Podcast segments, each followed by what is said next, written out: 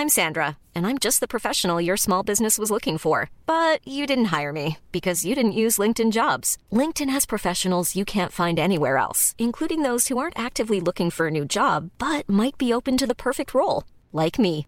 In a given month, over 70% of LinkedIn users don't visit other leading job sites. So if you're not looking on LinkedIn, you'll miss out on great candidates like Sandra. Start hiring professionals like a professional. Post your free job on linkedin.com/people slash Música Medlemmer i det svenske miljøpartiet lanserte nylig et forslag for å få svenske NRK, SVT, til å rapportere mer om klima. De foreslår at den svenske statskanalen innfører et 15 minutters segment under navnet Klimanytt underveis i sine daglige nyhetsprogrammer. Burde SVT gjøre som Miljøpartiet foreslår? Alle snakker om den sørkoreanske Netflix-serien Squid Game, som har slått rekorder i popularitetsmålingene den siste tiden. Nå får serien dessuten skryt for å bryte ned fordommer mot asiatere. Serien viser at asiatere ikke nødvendigvis må spille biroller som renholdsmedarbeidere, og hylles av Antirasistisk Senter for å være et utstillingsvindu mot Hollywood for skuespillerne. Kan en serie som som Squid Game bidra til antirasisme. Redaktøren i det feministiske tidsskriftet Altså, Ida Eliassen Coker, nekter å følge den presseetiske bibelen Vær varsom-plakaten på et punkt. Det handler om såkalt samtidig imøtegåelse, som gir den kritiserte parten en rett til å forsvare seg. Men burde selv angivelige voldtektsmenn, som i dette tilfellet, får lov til å forsvare seg i mediene? Du hører på Etikk og estetikk, som er tilbake i sin andre sesong og niende episode. Produsent det er Adrian Eriksen, researcher Peter André Hegg og programleder det er meg, Danby Choi. Vi skal straks introdusere dagens panel, men først noen ord fra våre annonsører. Helt unik skrev The New Yorker om den store norske kunstneren Nikolai Astrup da hans bilder ble vist i USA tidligere i år. The Wall Street Journal kalte utstillingen for et must. Boston Globe kalte de to avisgigantene for Nikolai Astrups cheerleaders. Og nå kommer utstillingssuksessen Nikolai Astrup endelig hjem til Norge, og da selvfølgelig hit til Kode i Bergen. Med over 100 grafiske og maleriske arbeider er dette den største Astrup-utstillingen i Norge på lenge. Det kan du ikke gå glipp av. Besøk kodebergen.no for mer informasjon.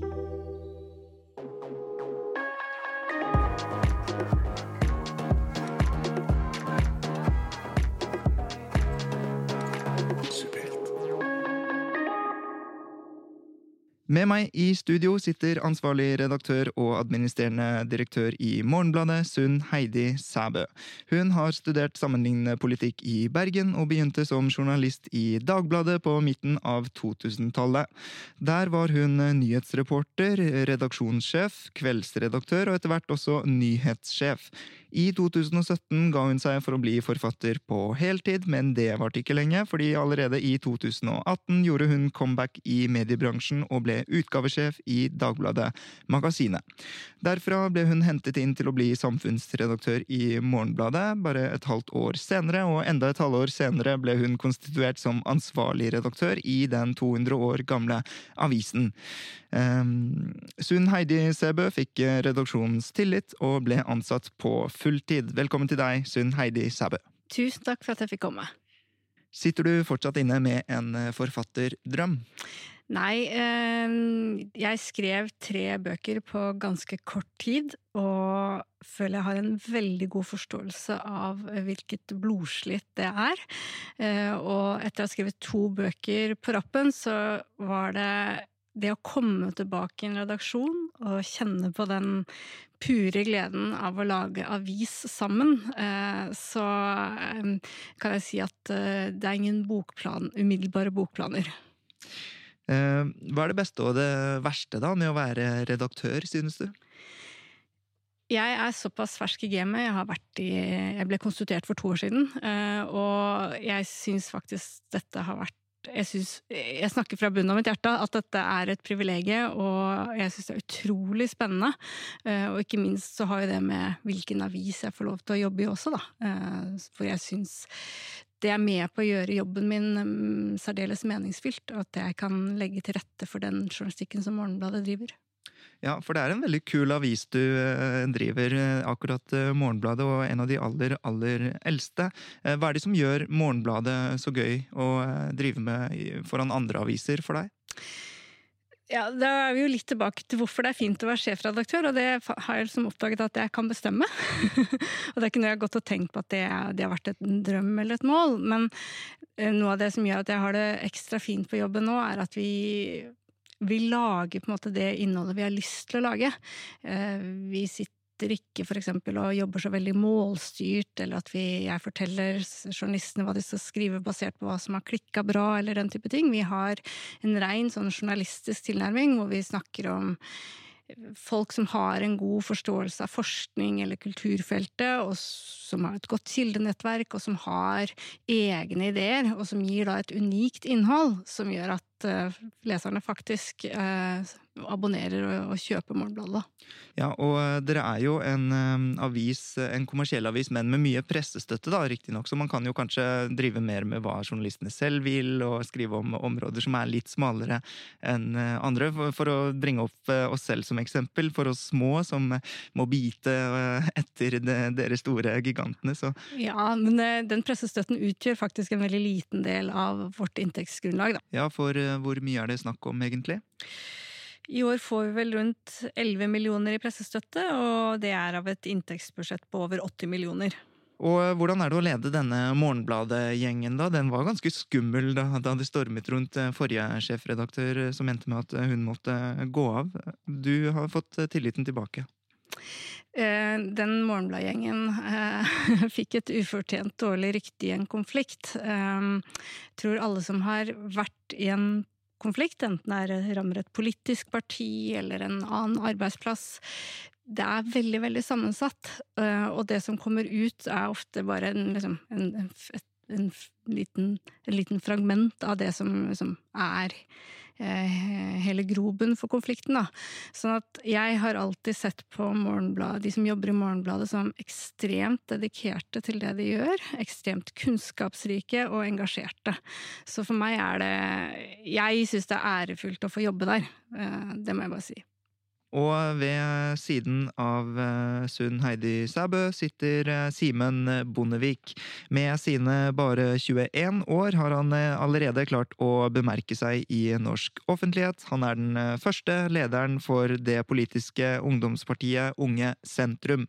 Bondevik er barnebarn av tidligere statsminister Kjell Magne Bondevik og ble spådd som en av framtidens KrF-ledere, men da KrF tok det omstridte høyrevalget, hoppet Simen Bondevik av dette KrF-toget og ble med på å etablere Sentrum. Før han ble leder for eh, Unge Sentrum, var han kommunikasjonsrådgiver i Redd Barnas eh, ungdomsorganisasjon, Press.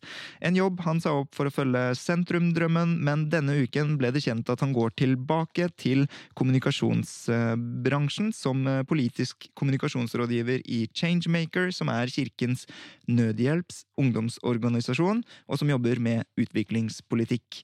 Han forsvinner ikke helt fra politikken likevel, og skal fortsette å være leder for ungdomspartiet. Men ikke bare det. Oppi det tar han eh, en bachelorgrad i medievitenskap ved UiO. Velkommen til deg, Simen Bondevik. Tusen takk, veldig hyggelig å være her. Hvordan eh, gikk valget, synes du? Eh, jeg syns det gikk sånn som man kunne forvente. Eh, det er veldig vanskelig å starte opp et nytt parti i Norge. Du har alle strukturene mot deg. altså Vi fikk null kroner i statsstøtte. Du har media mot deg. Alle politiske kommentatorer nederlagsdømte partiet allerede på dag én. Eh, men vi klarte å få 7500 stemmer, tilsvarende 0,3% Første gang MDG stilte til valg, så fikk de 0,4 Og at vi nå klarer 0,3 uten å egentlig ha noe stor én tydelig ideologi eller én tydelig bevegelse i ryggen, det syns jeg er ganske godt gjort. Så jeg syns det var et uh, helt greit valg, et godt utgangspunkt å bygge videre på frem til lokalvalget om to år. Ja, Og hva er egentlig hovedsaken til eh, sentrum? Mm. Vår sak nummer én er kampen mot utenforskap, eh, og det å jobbe mot at folk blir dytta utenfor samfunnet. Det handler både om å kjempe for minoriteters rettigheter, eh, bekjempe diskriminering i samfunnet, men det handler også om å bekjempe fattigdom eh, og jobbe for et godt psykisk helsetilbud. Så det er et veldig bredt begrep, men det handler i bunn og grunn om å sikre menneskers grunnleggende rettigheter. Og du er jo eh, barnebarn av en tidligere statsminister. Har det eh, hatt mye å si for din politiske karriere, tror du? Mener du? Altså, Folk rundt deg har jo alltid en påvirkning på deg. Eh, bestefar har påvirka synspunktene mine. Det er også mamma, pappa, søstrene mine, venner. Eh, påvirkning kommer fra veldig mange steder. Når jeg begynte å engasjere meg i politikken tilbake i 2013, eh, meldte meg inn i KrF på 13-årsdagen min, eh, så visste ikke bestefar at jeg hadde gjort det. Eh, så vi har et veldig nært forhold og, og deler flere ting. Eh, men det er ikke han som er grunnen til at jeg engasjerer meg politisk, og vi er jo uenige om flere ting, og nå er vi også i forskjellige partier. Og hvordan eh, er det å kombinere politikk, kommunikasjon og eh, studier eh, da, syns du? Det er jo travelt, det er det ingen tvil om. Men jeg tenker litt sånn at når man gjør ting man syns er gøy, og ting man brenner for, så er det litt enklere å få alt til å gå opp. ikke sant? Jeg, jeg, gleder meg til å sette meg ned og jobbe med hvordan kan man kommunisere noe. Jeg gleder meg til å sette meg ned og liksom jobbe med politikk. Jeg syns alt jeg gjør er veldig veldig gøy, og da får man tid til mer enn det man hadde fått til hvis man gjør ting man syns er kjedelig. Bra, og med det kan vi gå over til dagens første tema. Jeg heter Sofie Elise, og du hører på Etikk og estetikk, en podkast fra Subjekt.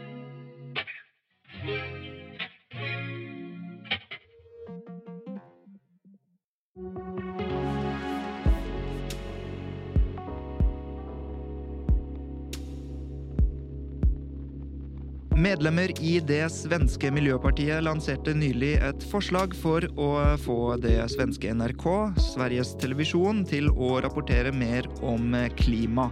De foreslår at den svenske statskanalen innfører et 15 minutters segment under navnet Klimanytt underveis i sine nyhetsprogrammer. Burde SVT gjøre som Miljøpartiet foreslår, Sunn Heidi Sæbø? Nei, absolutt ikke. Og hva synes du, Simen Bondevik? Nei. Sæbø, miljø er jo en av eh, vår tids viktigste kamper. Hvordan kan du våge å si nei til noe sånt?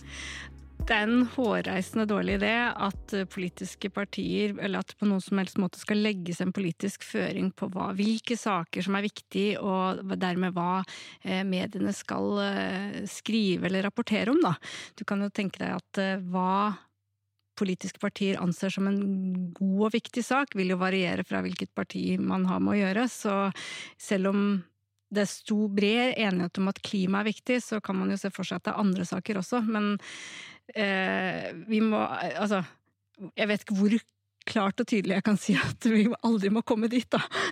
At, at, man skal ha et diktat for eh, hvor mye mediene skal dekke en sak som noen syns er viktig. Men de sier jo egentlig ikke så veldig mye om hvordan man skal dekke det. Man kan jo også få inn kritiske stemmer og sånt. De vil bare ha mer miljø på dagsorden. Endrer det saken? Jeg syns det høres ut som at partiet burde gå i seg selv og jobbe med hvordan de skal få fram sin politiske agenda i mediene. Det, jeg ville starta der. Du eh, svarer også det samme. Hvorfor eh, gjør du det? Nei, altså jeg syns det er en dårlig idé at politiske partier skal overstyre og detaljstyre media på den måten. Eh, altså Det hindrer litt den frie rollen media skal og bør ha.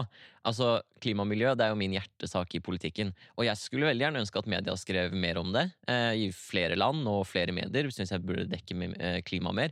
Men det er ikke min oppgave som politiker å liksom vedta at dette skal media skrive om så og så mye på den og den måten. Da syns jeg at du går over i et litt sånn farlig område, fordi Um, hva hvis det er andre saker enn klima da, som man ønsker å løfte? Må man liksom ha et politisk vedtak hver gang media skal skrive om noe? Sånn kan man ikke ha det. Da, da har ikke media lenger den frirollen de bør ha i samfunnet. Men eh, særlig mm, statskanalene, da, som SVT og NRK osv., de er jo eid av eh, altså Kulturministeren er jo nødvendigvis sjefen og eieren til NRK. Um, og de har jo allerede bestemt mye om hva NRK skal være, i en så veldig sånn globalt eh, viktig sak som klima. Kan ikke det være et av de mandatene? Er det så farlig? Altså jeg jeg, jeg syns at klimakrisen er vår tids største utfordring. Eh, og allmennkringkastere har et veldig sånn definert samfunnsoppdrag. Eh, men jeg tenker at hvis man begynner å gå lenger enn det og si at det definerte samfunnsoppdraget skal handle om den saken. Man skal, ett man skal ha ett kvarters TV-program om klima, som eh, Svenske Miljøpartiet foreslår. Eller kanskje noen andre da vil foreslå å ha et kvarter om distrikt, da, for eksempel. Så man kan ikke holde på sånn. Eh, man, man, man definerer et samfunnsoppdrag, men der går på en måte grensa. Eh, man kan ikke gå enda mer inn i det, for da er ikke lenger eh, statskanaler den frie medieaktøren som den bør være, i mine øyne i hvert fall. Da har man jo ikke lenger redaktørstyrte medier, da, hvis man har bestemt hva flatene skal fylles av, og det er til og med angitt eh, lengden på disse flatene. Så, så dette er eh, nå, nå registrerte jeg at de vel har gått bort fra sitt eget forslag, så de har vel innsett hvor tåpelig det var. Men eh, la oss aldri gå ned den eh, veien der. Ja, for det er en eh, viktig presisering. Det ble foreslått av eh, en, eh, et segment i dette svenske miljøpartiet, før det ble eh, ja, feid ned av noen andre i SVT. Men det virker jo sånn litt i tiden, da, at man flere ønsker å styre egentlig hvilke fortellinger som skal fortelles i mediene, eh, osv. Men når du nevner eh, at mediene ikke lenger er redaktørstyrt, hvorfor er det så viktig at de skal være redaktørstyrte? da? Nei, for ellers så er det jo nettopp, eh, sånn som i dette tilfellet, så risikerer man da at det er ett politisk parti eller én pressgruppe som får lov til å eh, få gjennomslag og bestemme hva som skal publiseres. Dette må, hvis det skal være noe poeng med journalistikk, og fri journalistikk, så må det jo nettopp være at det er redaktørene som er uavhengige fra disse politiske organisasjonene og andre pressgrupper, som bestemmer innholdet. Og jeg, sy- jeg synes jo, bare for å skyte inn da, at jeg synes jo dette forslaget minner jo litt om det vi ser i land vi ikke vil sammenligne oss med. Altså Der hvor media ikke har en fri rolle, ikke kan skrive om det de vil. Og, og, og dit vil vi jo ikke ta det norske samfunnet. Altså Den rollen pressen har i Norge og i de fleste, fleste demokratiske land, er jo utrolig viktig. Eh, og Hvis vi skal begynne med liksom dette, så, så er liksom veien kort over til at det blir som det er i land vi ikke vil sammenligne oss med. Og når man snakker om eh, slike saker som dette, så snakker man ofte om eh, et eh, prinsipp som heter armlengdes avstand, hvor man da Det er nevnt her at poenget er nevnt at man gir et mandat, men ikke detaljstyrer hva som er typisk innholdet. Men hva er det man kan Hvor frie skal de være? Og nå har vi snakket om statskanaler, men hva med private foretak, da? Eiere som spytter inn masse penger i en mediebedrift. Kan ikke han få det, eller hun, få det under sin styringsrett, litt som han ønsker? Eller hun? Her finnes det jo heldigvis en, eh, veldig klar redaktørplakat som skal regulere eier, og, og også andre forskere som skal regulere forholdet mellom eiere og, og, og, publisher. Eh, sånn at dette er det gode tradisjoner for i Norge. At, eh, at eiere ikke skal blande seg inn i de publisistiske avgjørelsene. Og sånn sett så hadde vi også en, en sak i sommer det handla jo om noe litt annet, eh, rundt Nidaros, eh, hvor, eh, hvor det rett og slett ble en varslersak, da, hvor styreleder hadde involvert seg for mye i hva slags saker han mente at Nidaros burde skrive. Og det endte jo med at han, han trakk seg. Men dette kan virke litt sånn fjernt for eh, oss som eh, Nei, for andre enn oss, da, som er redaktører, og du som er soon to be medieviter og sånn. Hva er? Hvordan, hvordan fungerer dette? Kan du forklare den redaktørplakaten litt? Liksom, hva er det den er, er det virkelig sånn at eiere eh, starter et medium med alle sine penger, og så får ikke han eller hun lov til å bestemme noe av det som skal stå i avisen? Jo da, det er mange medier i Norge som er etablert eh, med, en, formålsparagraf, for eksempel. At man skal eh, Klassekampen er ven- venstresidas avis, Nasjonen har sin målgruppe osv. Eh, men eh, et styre da, i en avis, eksempel, eller en styre for en TV-kanal, de kan si noe om de overordna linjene. Hvordan økonomien går, strategi, retning. Men de kan ikke blande seg inn i de konkrete sakene. Og så har vi jo sett eh, noen eksempler. For eksempel eh, så husker jeg Redaktørforeningen gikk ut mot eh, en styreleder i Var det VG som begynte å reagere på at det var så mange kritiske oppslag mot Nicolai Tangen. For der var det en styreleder som var venn med Tangen. Det var vel Kristin Skogen Lund Ja. i et intervju med NHH-studentene. Så, så snakket hun om at hun var litt oppgitt over eh, VGs dekning av, av eh, Nicolai Tangen. Eh, Og det er et sånn klassisk eksempel på at, at eh, hennes eh, ord skal ikke ha noe å si for hva VG gjør, da. Rett og slett. Og, og hvordan, hvor, fordi hun har et sånn eierforhold til Mm. VG. Og eh, at Hun sitter i Skipsted, ikke sant. Ikke sant. Mm. Men, men eh, hvordan er dette sammenlignbart med NRK, SVT og politikere som blander seg inn? Har det, kan det sammenlignes på noen måte? Eh, altså jeg tenker Begge deler handler jo om eh, Altså, man kan, man kan gi en overordna retning. ikke sant? Man kan si noe i liksom, jeg vet ikke hva man kaller det, liksom vedtektene til, til avisen, eller formål. Formålsparagraf, det kan man ha. Man kan gi NRK SVT et overordna samfunnsoppdrag. Eh, men det er en forskjell på det å gå inn og liksom detaljstyre de konkrete tingene. Eh, og jeg tenker det er liksom, Man kan dra en parallell, men så er det også noe ekstra spesielt når det er liksom politiske partier og statsmakten som skal liksom inn og detaljstyre. Det syns jeg er enda mer problematisk og enda verre. For det er jo faktisk de som har den reelle makten i samfunnet. ikke sant? Det er, det er svenske miljøpartier som har representanter på Stortinget som skal sitte og prøve å stemme frem sin politikk. Eh, og hvis hvert parti liksom skulle eh, foreslå at media skal skrive i, ha et 15 minutter-program om dette, og skrive en dobbeltside om dette tematikken, så er det ekstremt problematisk. Jeg blir også litt nysgjerrig på hvordan parlamentarismen ville spilt inn, da, hvis man Mm. skal liksom også snakke om et kvarter. skal da Arbeiderpartiet få en halvtime for sine kjernesaker? Så nei. Ja, du, du nevner hele tiden land vi ikke vil sammenligne oss med. Jeg er helt enig, Det er, det er veldig sånn Putin. Mm. Typisk han å liksom skulle ha 15 minutter før alt begynner, liksom. Ja, altså jeg syns jo det altså sånn, jo det er veldig trist å liksom sitte og sammenligne svenske Miljøpartiet sitt, sin politikk, som sikkert er et av de partiene i Sverige jeg er mest eh, enig med, men, men å sitte og sammenligne de med, med Putin og med liksom det russiske regimet og, og andre land som undertrykker medie- pressefriheten. Men det er jo det det i realiteten er. Og jeg får liksom vondt i magen som politiker. eh, At liksom et politisk parti vil gå inn og overstyre media på den måten. Men også liksom medieviteren i meg gjør jo dette fryktelig vondt, for det strider jo imot liksom alt jeg har lært på studiet så langt om liksom medias rolle i samfunnet eh, og liksom forholdet mellom media og politikere. Eh, og det, det er, jeg syns det er mye som allerede er problematisk, altså med hvordan PR-byrået blir brukt for å påvirke den politiske agendaen gjennom media. Men hvis liksom statsmakten på toppen av det skal liksom gå inn og eh, detaljstyre, så er det en veldig veldig skummel retning å gå i. Det er et klassisk eksempel på at man prøver å liksom tjene en god sak, få Mm. fram en god sak, men med et veldig dårlig virkemiddel. Mm, Såkalt uh, bjørnetjeneste. Ja, jeg tror de skyter seg selv skikkelig i foten. Jeg tror det er et forslag som ikke bare på en måte Det skader jo det svenske miljøpartiet sin legitimitet. Eh, Det har skapt masse intern uro. Og jeg tror man skader klimasaken ved å komme med sånne Mm. forslag eh, så, som viser at man ikke har noen andre perspektiver. At man faktisk også løfter klimasaken over pressefrihet. Ja, for da kommer Facebook-Høyre og sier der kommer de autoritære miljøfolka igjen, som skal tvinge oss til å spise brokkoli og Det kan jo nesten høres ut som de har litt dårlig selvtillit også, Ja. på vegne av sin egen sak. At, at de faktisk må tvinge det gjennom politisk. At de ikke tror de kan klare å få eh, klimasaken på agendaen på egen hånd. Ja, og det er jo litt forhastet all den tid klimasaken har klart veldig mye eh, på egen hånd i det sant. siste.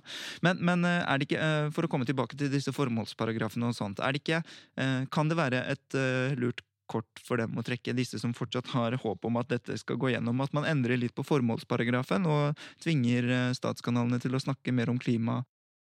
Men da er man igjen over på liksom å, å tvinge inn konkrete tematikker, konkrete saker man skal skrive om. Eh, jeg mener jo at eh, sånn som det eksempel er altså at, at eh, nå, kan, nå vet ikke jeg akkurat hvordan SVTs eh, liksom, samfunnsoppdrag er definert, eh, definert, men jeg vil jo tro at det er liksom å skrive om saker som er aktuelle for innbyggerne, og liksom skrive om viktige, viktige samfunnssaker. Og da vil jo klima og miljø gå inn under det, og jeg regner med Jeg er ikke noe fast eh, seer av SVT, men jeg regner med at de også dekker klimasaken. Altså det vet jeg tror det er ganske stor interesse for i Greta Thunbergs hjemland. Så eh, man kan på en måte definere liksom samfunnsoppdraget, men jeg er nok litt skeptisk til å på en måte ja, foreslå inn konkrete tematikker. Da. Ja, og det er jo nettopp forskjellen på en allmennkringkaster og eksempel Jeg nevnte klassens, Klassekampen som et eksempel, men, Mm. men Vårt Land ble også stiftet med en kristen formålsparagraf, så der kan man med rette forvente at det skal være eh, religiøst innhold. Eh, Men du kan ikke En allmennkringkaster må være mye bredere og friere i sitt mandat. Da. Mm. Godt eksempel mot slutten. Bra. Det blir jo en ganske presseetisk eh, pod, dette. Vi kommer tilbake til presseetikken straks. Men først eh, andre tema. Vil du og din institusjon være synlig der hvor publikum leter etter hva som gjelder akkurat nå? Nå kan denne reklameplassen bli din. Ta kontakt med annonse at subjekt.no, eller ring 02469 for en uforpliktende prat om hvordan du kan nå ut til et kulturkonsumerende og opinionspåvirkende publikum. Música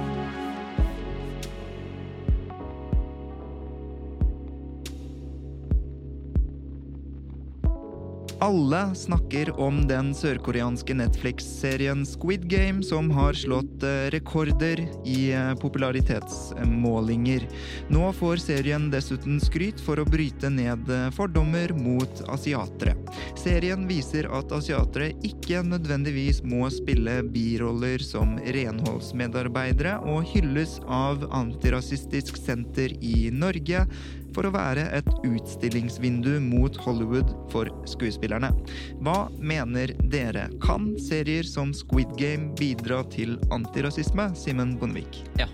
Og hva mener du, Sunn Heidi Sæbø? Nei. Og hvorfor mener du ja, Bondevik? Altså, det handler jo egentlig om representasjon i media. Eh, og representasjon i det vi ser på eh, på TV til daglig. Eh, det handler om Eh, altså i, i, i, media generelt, i TV-serier, filmer, serier, eh, så er det en overrepresentasjon av de som oppfyller normen på alle mulige måter. Om det er folk med eh, den normative etniske opprinnelsen, om det er, for, om det er heterofile, funksjonsfriske, eh, ofte menn. Altså det, det er typisk den gruppen som oppfyller både hovedroller, men også tar størst plass i TV-serier og filmer. Og Da tror jeg rett og slett det er bra å få frem et større mangfold. Eh, også nettopp det som du nevnte her, som Antirasistisk Senter har løftet frem. Eh, og vise at folk som bryter med normen, også kan være de som fyller hovedrollen. Og jeg tror det er bra å se forskjellige folk på TV for innbyggerne, for å skjønne at et mangfold i samfunnet, det er bra. Ja, eh, han mener altså at, eh, det, altså at man ser forskjellige roller, at asiatere spiller forskjellige roller, kan eh, bidra mot antirasisme. Er du ikke enig i det? Jo, Simen har noen veldig gode penger, og så er det sånn at vi blir bedt om å svare ja eller nei. Ja, ja. Men jeg, jeg, skal også innrømme at da jeg hørte den saken på, på NRK Nyhetsmorgen, så må jeg innrømme at jeg var litt forundra. Eh, og det kan godt være en svakhet ved meg, bare så det er sagt. men jeg gjør ikke den koblingen da, selv. At jeg, jeg tenker ikke at um, at uh, disse karakterene i Squid Game har noe med meg, og jeg har jo selv koreansk bakgrunn, adoptert fra det landet, jeg tenker ikke at de karakterene representerer meg på noen måte. For hva sier den egentlig om koreanere? Hvis man skal ta det veldig bokstavelig, så er det jo at de er helt desperate etter penger og villige til å gjøre hva som helst, og til og med drepe eh, folk man kjenner. sånn at eh, Jeg vet ikke Det er bra, som Simen sier, det har han helt rett i, at, at eh, vi får se ulike kulturelle uttrykk, eh, folk med ulik bakgrunn argumentasjon.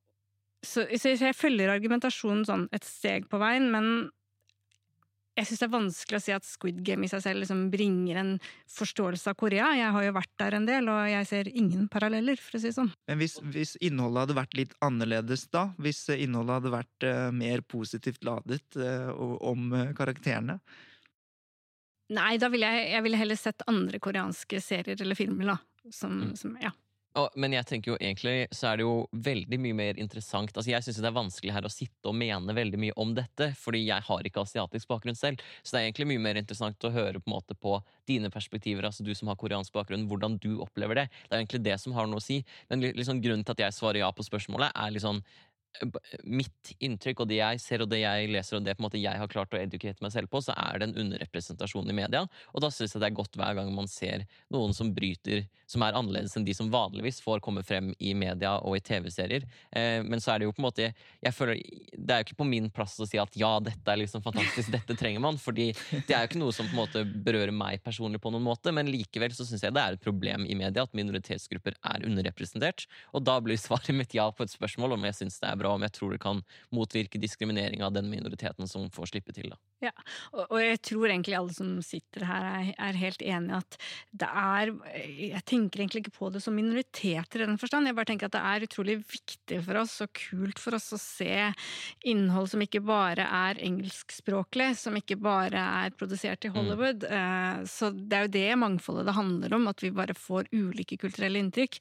Men når det er sagt, så er det klart Squid Game eh, Hvor koreansk er det? De har jo en veldig sånn, stor eh, De er veldig gode på å lage så, altså, serier. Den koden har de knekt selv. Og så er jo denne lagd veldig etter en Netflix Eller den passer veldig godt inn i en klassisk Netflix-mal også, da. Så jeg finner egentlig ikke så mye Korea i Squid Game. Nei, og sørkoreanere og sånn sørkoreansk kultur og sånn, det er jo veldig sånn etter eh, boken, mye av det, da, og Hollywood-boken, egentlig. Det er jo eh, Hva heter han forfatteren som har skrevet en del um, filmteori, som uh, um, Save the Cat, som er et prinsipp da, for å lage en protagonist, liksom helten i historien, så må du bare vise et bilde av at han redder katten. Og i den serien så er de altså så skamløse at han hovedrollen redder jo en, altså gir mat til en katt. Mm. Så såpass bokstavelig har man fulgt liksom filmteorien. Da. Så det, er på, det er jo på alle måter, den følger jo alle dramaturgiske regler, spilleregler. Ja, den og- er veldig klassisk. ja. Ja. Så, så øh, men, men den øhm, Men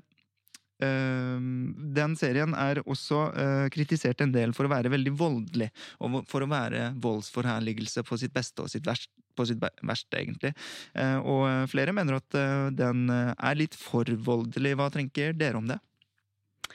Jeg kan bare svare på meg Mm. selv der, og det er det du vil jeg skal gjøre òg. Men jeg, jeg er jo litt sensitiv på akkurat det med vold, så jeg må ofte snu meg bort. Da. Så jeg, det, jeg, for meg er jo ikke det styrken da i serien. Um, men det gir jo en sjokkeffekt da, som gjør at du dras videre. Så det er jo kanskje et billig virkemiddel eh, på den måten. Ja, fordi det er det øh, Aksel Kielland hos Mm. hos dere i Morgenbladet også. Jeg syns han var veldig streng, da. Det var, men, men, men han mente at det er ikke fordi den er bra folk ser den. Og så tenkte jeg ok, men han har i hvert fall ingen tillit til publikum, i hvert fall. Som alle tar feil. Du vet ikke hvorfor du liker den serien her, for den er ikke bra. Men uh, uansett, um, først til det Ja. spørsmålet til deg. Ja. Hva syns du om voldelige virkemidler? Eh, jeg tenker at det selvfølgelig må være rom for det i TV-serier og filmer. Eh, jeg har ikke sett ferdig Squid Games ennå. Jeg har faktisk hengt litt etter, jeg har bare kommet meg til episode tre. Så jeg syns det er litt vanskelig å si liksom, akkurat hva jeg syns om den serien og bruken av vold der. Men liksom det jeg har sett basert på de to første episodene, så er det nok mer vold i den serien enn det jeg foretrekker å se på. Eh, jeg syns det, det er ukomfortabelt. Jeg liksom skvetter til liksom den der, en av de første scenene når de liksom er i gang med spillet første gang, da og liksom skal ha rødt og grønt lys og gå fremover og bli skutt. Så liksom det, jeg liksom hopper i sofaen hver gang en blir skutt, og det skjer jo noen hundre ganger den eh, Eller 205 ganger for å være nøyaktig i den første, første episoden, og det syns jeg er ubehagelig. Så om jeg skulle ønske det var mindre vold i serien personlig, ja, men at det er et virkemiddel man velger å bruke, det, det skjønner jeg jo. At det er opp til dem. Ja. Men, men det er litt tilbake til det med antirasisme og sånn, så er jo dette en serie hvor øh, man fremstiller koreanere som øh, gjeldsslaver med ekstrem desperasjon etter penger. øh, Med litt rot i virkeligheten, vil jeg mene, altså for Mm. mange. Og det er høy gjeld og rå kapitalisme.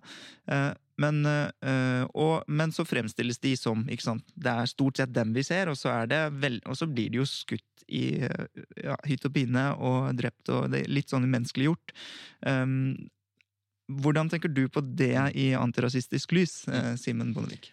Ja, det er veldig interessant, og det var liksom nettopp det perspektivet der som gjorde at eh, for meg når jeg generelt får et spørsmål om representasjon i en TV-serie, så vil jeg jo nesten alltid si liksom yes, det er fantastisk. Men akkurat det perspektivet der gjorde at jeg liksom måtte tenke meg litt om før jeg liksom kunne lande ned på ja. Eh, men jeg er av den oppfatning av på en måte Uansett hvordan man fremstiller en gruppe, så er det bra å få opp representasjon, så lenge måte, gruppen kan stå inne for det selv, og de skuespillerne som har stilt opp, vet jo hva de er med på. Eh, og da tenker jeg det er veldig bra. Altså, vi har jo sett den samme diskusjonen tidligere når det eksempel kom til Tangerudbakken. Da var det mange som syntes det var problematisk måten eh, de ble fremstilt på, eh, og, noen vil si at de ble latterliggjort. Eh, men det var jo noe de ønsket å delta på selv, og ønsket å komme på en måte frem i lyset på den måten. Og da, da, da syns jeg at det alltid er bedre med representasjon.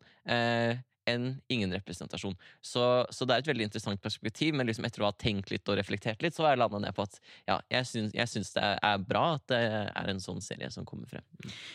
Og det er mulig jeg tok budskapet i den um, reportasjen på Nyhetsmorgen litt sånn eh, for bokstavelig, men jeg, jeg, tenk, jeg tok ikke umiddelbart det budskapet med at dette vil øke forståelsen for asiatere eller koreanere, for jeg, jeg finner ingen likhetstrekk der. Men hvis vi skal løfte blikket litt da fra eh, Nå har jeg sett noen andre koreanske serier som ligger på Netflix, og så har jo de, veldig mange i Norge sett Parasite, um, den filmen. Så er det jo i hvert fall én ting som man kan si går igjen, og det syns jeg er interessant, og det er eh, klasseperspektivet. Um, altså det er åpenbart at de store sosiale ulikhetene i Sør-Korea uh, er noe veldig mange er opptatt av, uh, og at det er en korrupt elite, synes også å være et sånn gjennomgående tema. Det kommer faktisk ikke så godt fram i Squid Game, syns jeg, men, men, hvis man ser andre serier eller filmer nå, så, så er dette veldig sånn gjennomgående, da. Det syns jeg er interessant. Du har skrevet flere bøker om Korea. Eh, og nevnte at eh, du ikke kjenner igjen verden. Hva er det vi mangler eh, av koreansk kultur, representert i koreansk kultur, som kommer til Vesten, da? Ehm, vi mangler vel ganske mye. Ehm, når vi snakker om Korea-halvøya, så er det jo den nordre delen som får eh, mest oppmerksomhet. Eh, Nord-Korea. Eh, og man ser på Nord-Korea et krigsperspektiv, og så tenker man at Sør-Korea har kommet veldig langt og et mye bedre samfunn. Og det er det jo, for det er jo selvfølgelig ikke et diktatur hvor folk sulter eller lider nød, bare så det skapet er satt ettertrykkelig på plass. Men men hvis man ser nærmere på Sør-Korea, så er det som jeg sa, det er et land med stor sosial ulikhet. Det er et land hvor selvmordsraten er veldig høy. Ehm, det er et veldig sånn prestasjonssamfunn hvor det er lett å falle utenfor. Um, og nå følte jeg at jeg snakka meg litt bort fra spørsmålet. Ja. Nei, nei, nei det, eh, jo, men liksom hva vi ikke får ja, ja, eh, representert ikke får, da, i disse historiene. Det er jo noe med, med den selvmordsraten noen vil kanskje tenke at det ikke er problematisk, men det kan jo også være et symptom, dette med at så mange unge eh, sørkoreanske kvinner tar plastisk kirurgi. Eh, jeg husker at noen hva var fantastisk med Juna Kim, som er en veldig berømt uh, kunst... Hva er det heter? Um, Skøytekunstløper? Ja. Uff. Ja. det er fredag ettermiddag. Eh, kunstløp heter det vel, sporten. Ja, ja. Hun, hun, var jo eh, veldig dyktig der. Og, og noe av det liksom, flotteste de fikk fram med henne, var at hun ikke hadde tatt plastisk kirurgi. Mm. Uh, og det, jeg vet ikke, det var liksom en rar ting å trekke fram, ja. tenker jeg. Absolutt. Ja, det er et uh, Wow, det landet der. Det er litt av et press på alle fronter, med arbeid og skjønnhet og prestasjon. Ja kapitalismen på eh, sitt beste på en måte, fordi all den tiden det landet har utviklet seg så fort, og så mm. på sitt aller verste også, da, som man ser. Mm. Og så er det, det får man jo litt fram i serien, at det er et ganske rasistisk samfunn også. Eh, han fremmedarbeideren har jo ikke, han lever jo ikke under gode kår i, i Sør-Korea, eh, og man er jo veldig opptatt av eh, eh ja, eh, det koreanske, da. Det kan grense til litt selvgodhet også, den fortreffeligheten med den økonomiske fremgangen de har hatt etter andre verdenskrig, som kanskje ikke bare skyldes at de har gjort en så mye bedre jobb enn alle andre. Det har jo vært en eh, store lån, hjelp fra USA osv. også, inn i den suksesshistorien.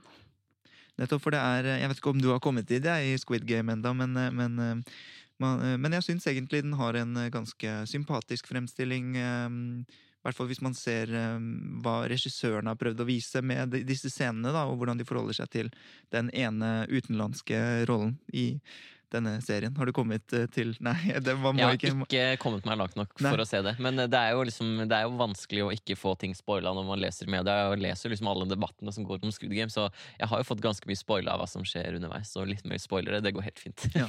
Men det er i hvert fall først nå man ser at eh, både det koreanske fotballherrelandslaget får svarte spillere, og, og man ser det i film og sånne ting. Så det er jo 30 år etter Norge, men eh, på vei et eller annet sted. Mm, og en av disse andre sørkoreanske seriene hadde til og med et lesbisk forhold inni som en del av eh, Kammerpiken?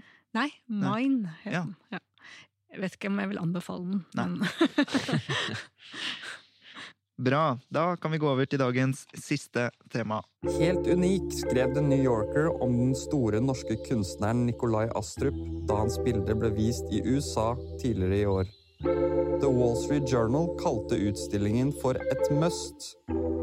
Boston Globe kalte de to avisgigantene for Nikolai Astrups cheerleaders.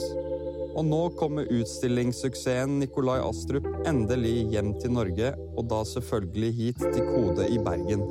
Med over 100 grafiske og maleriske arbeider er dette den største Astrup-utstillingen i Norge på lenge. Det kan du ikke gå glipp av. Besøk kodebergen.no for mer informasjon.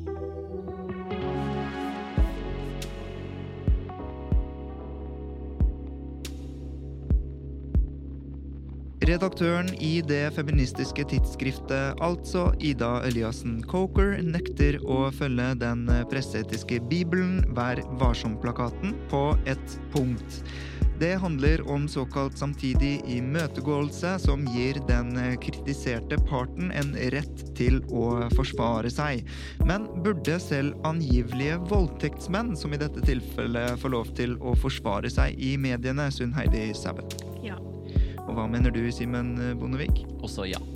Her blir det jo i presseetisk kutime viktig å nevne i alle fall én ting, og det er at Ida, Ida Eliassen Coker er ikke til stede i studio, så jeg har i hvert fall forberedt meg med det som er av informasjon på nett. Dette er jo en offentlig debatt som vi diskuterer eh, som av info som finnes der ute allerede, og tatt med meg noen av argumentene som vil argumentere mot begge dere, egentlig. Du sier eh, ja. Hvorfor det, Sæbø? Eh, jeg kunne aldri tenke meg å lage en sak uten at eh, enten det er en antatt gjerningsmann, eller det er en politiker eller en ordfører som utsettes for beskyldninger, ikke får muligheten til å svare. Det, det, er ikke bare et sånn presseetisk pliktløp heller, men det handler jo om at jeg er Jeg vil gjerne vite Kjenner vedkommende seg igjen i disse beskyldningene, eller ser de helt annerledes på saken? Det vil jeg som journalist, det er jeg journalistisk nysgjerrig på. Sånn at uh, jeg, jeg, skjønner uh, veldig godt hva Ida Eliassen Eller tror jeg skjønner i hvert fall uh, hva, hun, hva, hun, sier, fordi at på den annen side så har jeg også som både journalist og reportasjeleder stått oppe i situasjoner hvor eh, hvor folk kvier seg da, for å fortelle eh, Stå frem i en sak. Og det er ikke nødvendigvis over, bare overgrepssaker dette beløper, eh, begrenser seg til, men det kan være at de og skal, skal, han andre, skal hun få lov til å si noe også, fordi at de føler at det vil rokke ved deres historie. Eh, men svaret til det er alltid ja. Ja, men eh, det, dette, det er jo egentlig hovedargumentet til Eliassen Cochrane her også. Og ikke bare fordi at eh, det vil rokke ved deres historie, men nå er det jo altså så alvorlig at eh, sant, det er jo et forhold, et kjipt forhold mellom disse to angivelig, da. Og man skal fremprovosere kanskje mer konflikt mellom to mennesker som har dette forholdet. Skal man da snakke med vedkommende, altså? Ja, altså jeg syns det er en presseetisk forpliktelse. Eh, altså, altså, som har vært nevnt her, at det gjør det også til en bedre sak. Eh, tyngden er bedre hvis man har fått oppfylt den retten til uh, umiddelbar imøtegåelse, og det syns jeg man skal. Men jeg tror det gjør saken bedre, men så syns jeg også det er en presseetisk forpliktelse, fordi um, ja, saken har rett og slett ikke den tyngden bak seg hvis man ikke har fått begge perspektivene på det. Uh, og selv om man i, i sånne tilfeller, i hvert fall jeg, alltid uh, altså, det, er jo, det, er til, det er jo ingen tvil om hvem som har min sympati i denne saken.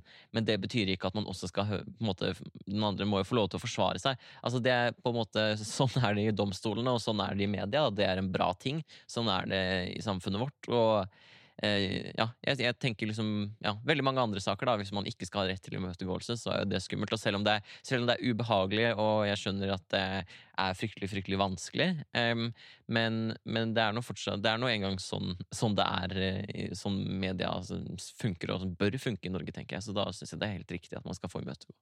Uh, hun skriver man har en enorm gruppe med mennesker som ikke får komme fram med historiene sine hvis vi skal høre på Vær varsom-plakaten.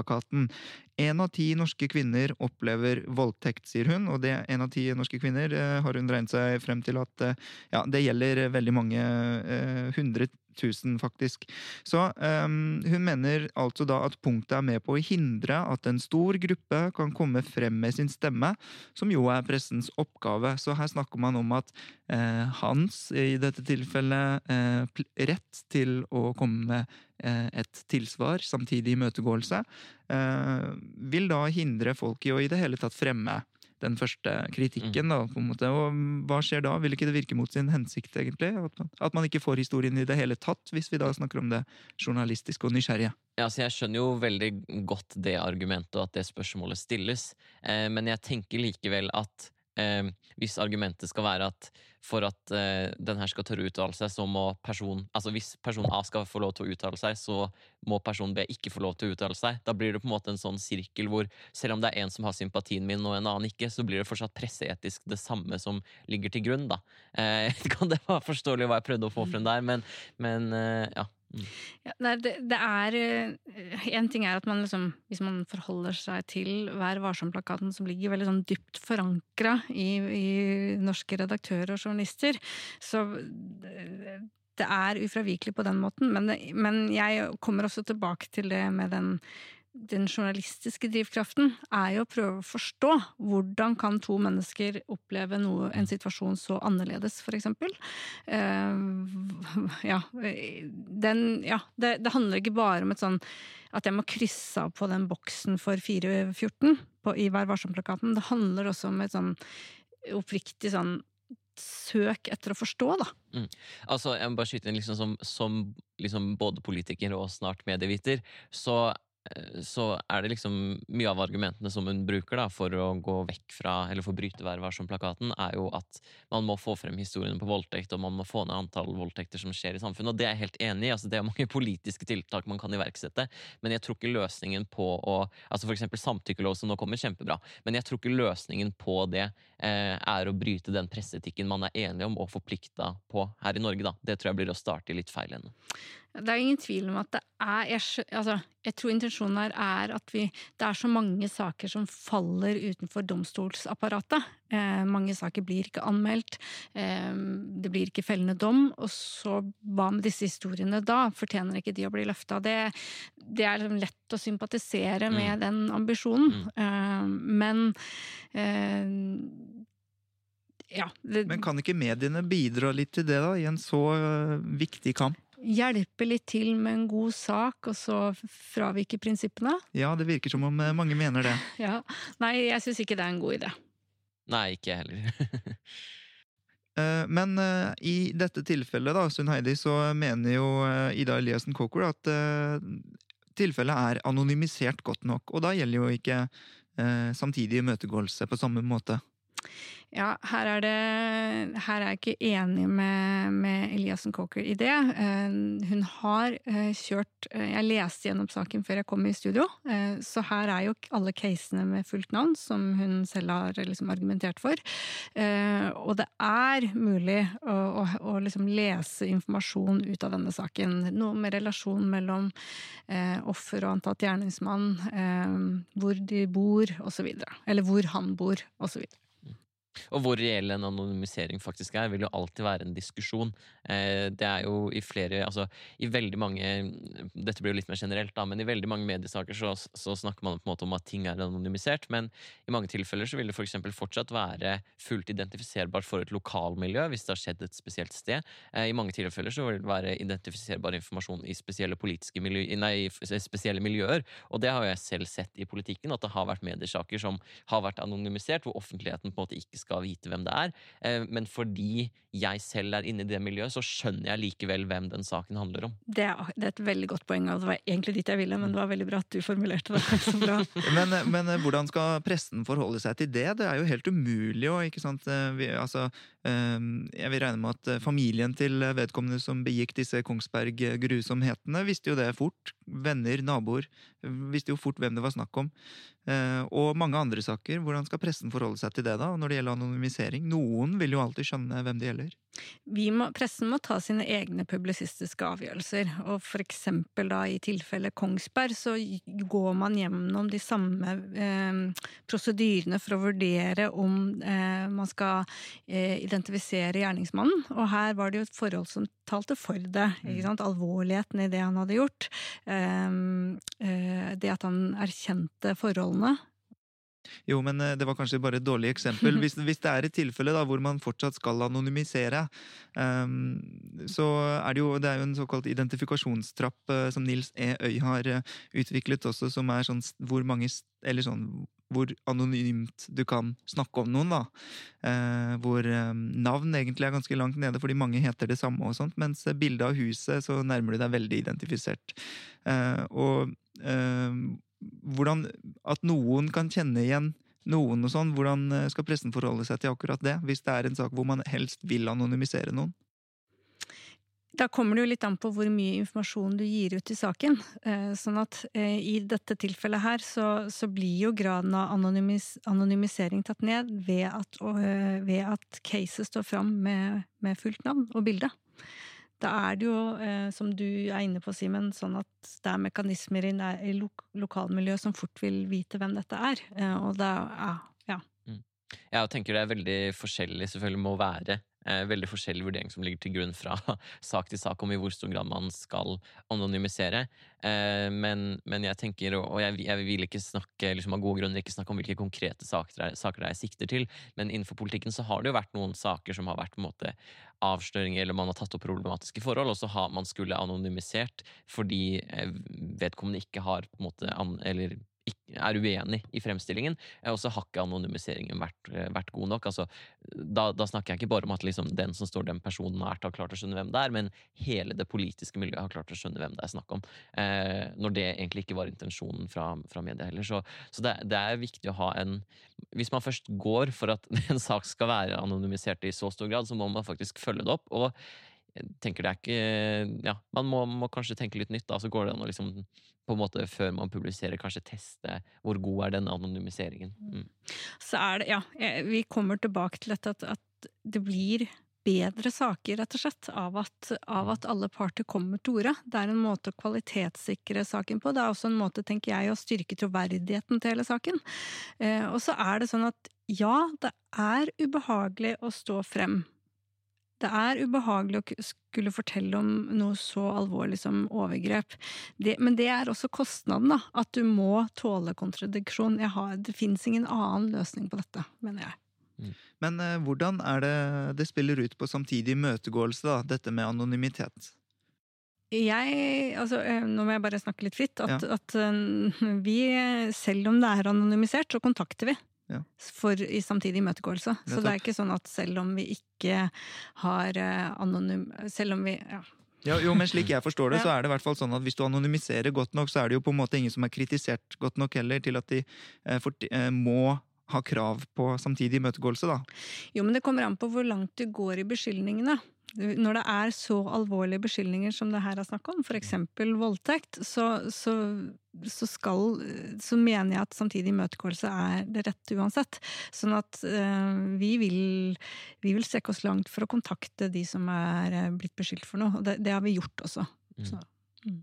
Ja, altså jeg jobber jo ikke i noen redaksjon og aldri vært journalist heller, sånn at det er på en måte veldig vanskelig for meg å gå helt ned i detaljene, men liksom fra et litt sånn medievitenskapelig perspektiv, da, så tenker jeg at eh, jeg vil i hvert fall tenke at det er en stor fordel å strekke seg så langt som mulig for å få til eh, en samtidig imøtegåelse på en eller annen måte. Så blir det siste ord fra Sæbø. Ja, og så handler det jo også om og det høres hardt og kanskje kynisk ut, men man har fortsatt et ansvar for å kontrollere fakta og opplysninger i saken.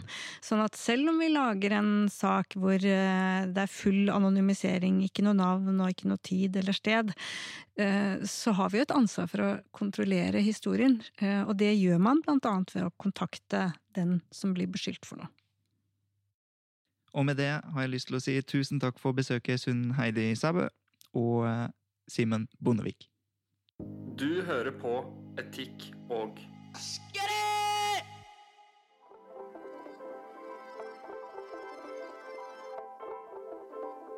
Etikk og estetikk er tilbake i neste uke, og vi lover som alltid nyansert dialog med noen av landets klokeste mennesker, så det er bare å følge med. Og å følge med det gjør du ved å abonnere på Etikk og estetikk der hvor du hører på podkaster, det være seg på Spotify, Soundcloud, Apple Podkaster, Google Podkaster eller hva enn. Jeg vil også oppfordre deg til å bli medlem i Facebook-gruppen Etikk og estetikk, et debattforum hvor vi inviterer våre lesere og lyttere til å diskutere de temaene som opptar eh, podden vår, og som eh, opptar subjekt. da. Til slutt vil jeg takke produsent Adrian Eriksen og researcher Peter André Hegg enda en gang for innsatsen med å lage denne podkasten, og til Fritt Ord, som har gitt støtte til etikk og estetikk, og til Kulturrådet og Fritt Ord, som har gitt støtte til eh, Subjekt siden den spede begynnelse. Vi poddes!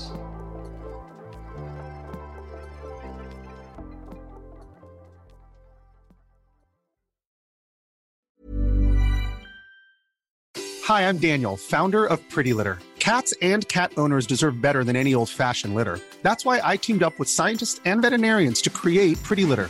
Its innovative crystal formula has superior odor control and weighs up to 80% less than clay litter. Pretty Litter even monitors health by changing colors to help detect early signs of potential illness. It's the world's smartest kitty litter. Go to prettylitter.com and use code ACAST for 20% off your first order and a free cat toy. Terms and conditions apply. See site for details.